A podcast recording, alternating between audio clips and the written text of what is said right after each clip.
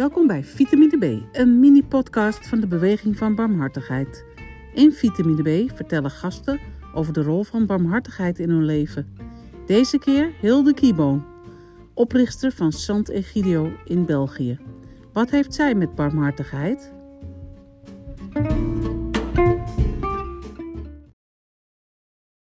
Barmhartigheid is voor mij een heel belangrijk begrip, heel diep menselijk.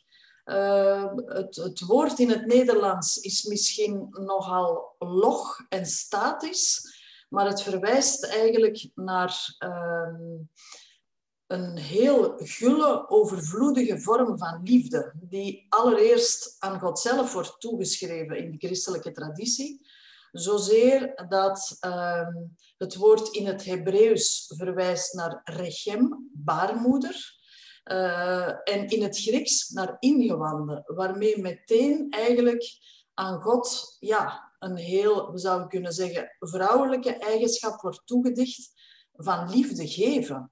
En uh, daar draait barmhartigheid om. Um, die grote liefde van God voor de medemens voelen, in het bijzonder voor de zwakke medemens, op zo'n manier dat het niet een beetje is, uh, een klein beetje compassie hebben met iemand of een, of een goedkope goede daad stellen, maar echt de pijn van de ander voelen en tot jou nemen en op die manier trachten leven geven. Een beetje, ja, het mooiste verhaal over barmhartigheid in het evangelie vinden we terug bij de barmhartige Samaritaan natuurlijk, een man van vreemde origine, die het voorbeeld stelt van barmhartig leven, namelijk opvangen, helpen wie gevallen is langs de weg op jouw weg, daar tijd voor maken, die mens helpen en nadien zelfs terugkeren.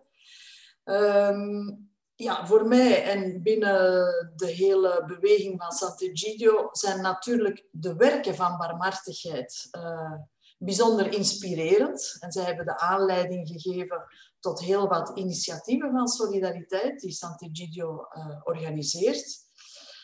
Ik denk hier eerst aan de lichamelijke werken van barmhartigheid, zoals die dan heten. Hongerige eten geven, dorstige drinken geven, vreemdelingen opnemen, naakte kleden, zieken bezoeken, gevangenen bezoeken en doden begraven. Uh, dat zijn allemaal diep menselijke activiteiten. Maar uh, mij intrigeren eigenlijk ook de geestelijke of de spirituele werken van barmhartigheid, die wat minder gekend zijn, um, maar die evenzeer belangrijk zijn in een geëngageerd menselijk en christelijk leven. En ik noem ze even, het is twijfelaars raad geven, onwetenden onderrichten, zondaars terechtwijzen, bedroefde troosten, beledigingen vergeven, geduldig lastige mensen verdragen en God bidden voor de levenden en de doden. Ook dat zijn deugden, eigenschappen die denk ik zeer, zeer belangrijk zijn om liefdevol uh, en niet oordelend te leven. Want daar gaat het eigenlijk over. Hè? In die gulle, overvloedige liefde uh, die de barmhartigheid is, niet in het kleinburgerlijke perspectief van voor wat hoort wat, maar echt ruim en gul geven zonder terug te willen krijgen en zonder zelf een maat te bepalen.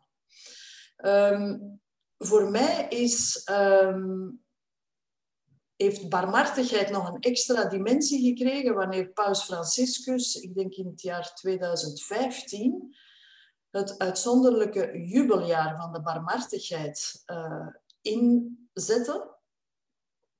Dat was verwijzend na, naar 50 jaar Tweede Vaticaans uh, Concilie. En Paus Franciscus wilde heel eigen aan zijn manier van uh, paus zijn, um, het jaar inzetten onder het gesternte van barmhartigheid en vooral de vreugde die daaruit voortvloeit. En hij verwees daarbij ook naar de openingswoorden van, Johannes, van Paus Johannes de 23e op de opening van het Tweede Vaticaans Concilie. Wij willen eerder het medicijn van de barmhartigheid naar voren schuiven dan wel het wapen van de strenge leer. En ik denk dat dat echt het pontificaat van Paus Franciscus typeert.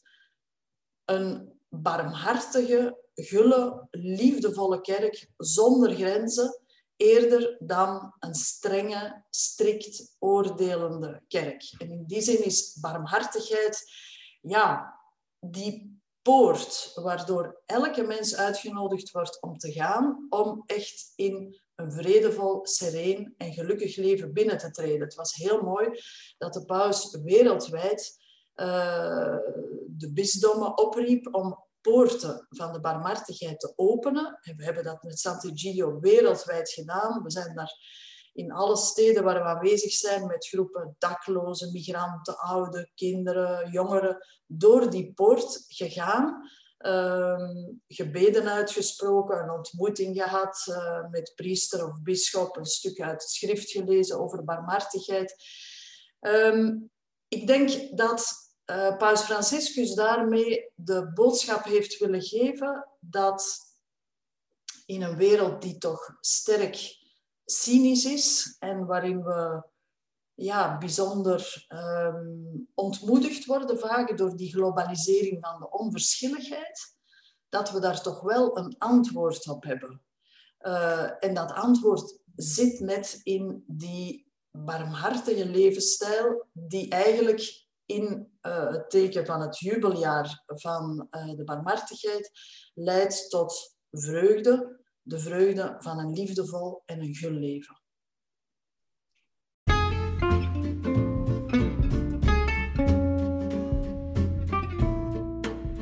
Dat was Hilde Kieboom en haar vitamine B. Lees meer over haar op barmhartigheid.nl.